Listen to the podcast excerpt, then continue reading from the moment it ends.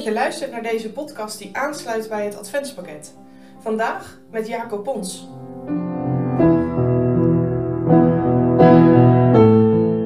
Vandaag lezen wij Lucas 1, vers 26 tot en met 33.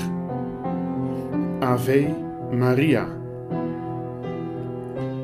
En in de zesde maand werd de engel Gabriel van God gezonden naar een stad in Galilea, genoemd Nazareth, tot een maagd die ondertrouwd was met een man, wiens naam was Jozef, uit het huis van David. En de naam van de maagd was Maria.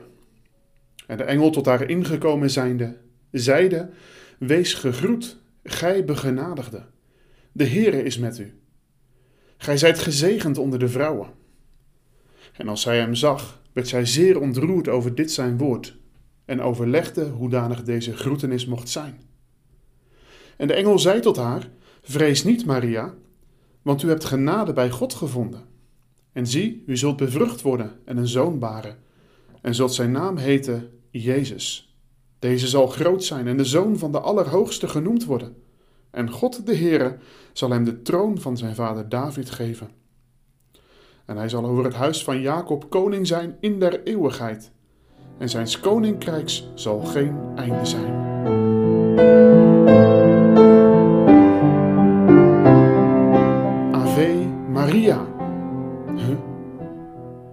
Dat is toch een rooms-katholiek lied?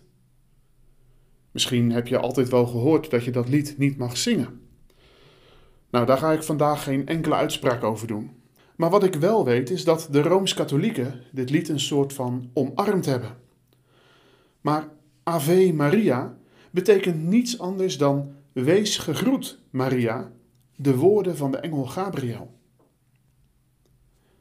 Ik las ergens: Contact met de hemel verandert alles. En dat blijkt ook hier weer. De boodschap van Gabriel heeft enorme impact op Maria. Een heel gewoon meisje, want dat was ze, een meisje nog maar, uit het stadje Nazareth. Maar de boodschap van Gabriel zet haar complete leven op zijn kop. Ik kan me zomaar voorstellen dat Maria daar staat, geschrokken, verward, maar ook eerbiedig luisterend. Ave Maria, een groet, een boodschap uit de hemel die haar hele leven op zijn kop zet. Trouwens, hoe is dat in, in jouw leven? Want elke keer als de Bijbel opengaat, klinkt de boodschap van genade, van zaligheid tot jou. Het is de Heere zelf die elke dag contact met jou zoekt. Dat was bij Maria, maar dat is nog steeds zo. En wat doet dat in jouw leven? Zet dat je leven op zijn kop? Of leef je er zomaar aan voorbij? Gebeurt er wel iets? Maar misschien denk je wel, voor mij heeft de Heer echt geen boodschap. Weet je wel wie ik ben? Nee. Ik weet niet wie jij bent en ten diepste weet jij ook niet wie ik ben. Maar wat ik wel weet, is dat de Heer mensen zoekt. Zondaren. Mensen die helemaal niet zo'n best leven leiden. Uiteindelijk kan hij niks met diepgelovigen.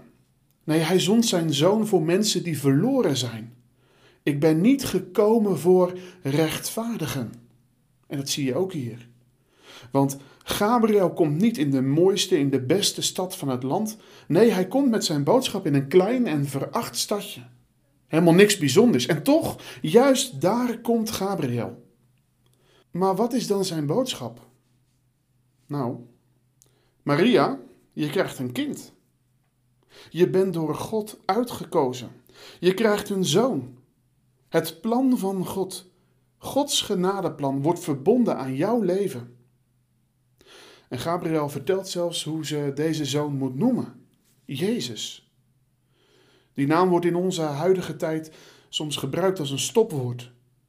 Maar moet je eens even bedenken wat deze naam betekent: zaligmaker, verlosser, want hij zal zijn volk zalig maken van hun zonde. Ken jij die naam? ooit, ik was toen een jaar of 16 denk ik, hoorde ik een preek. Waar de preek precies over ging, dat weet ik allemaal niet meer.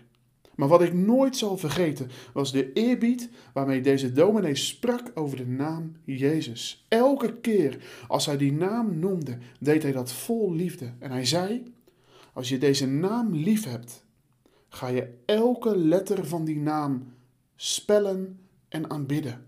Ik ben dat nooit vergeten. Hou jij al van deze naam?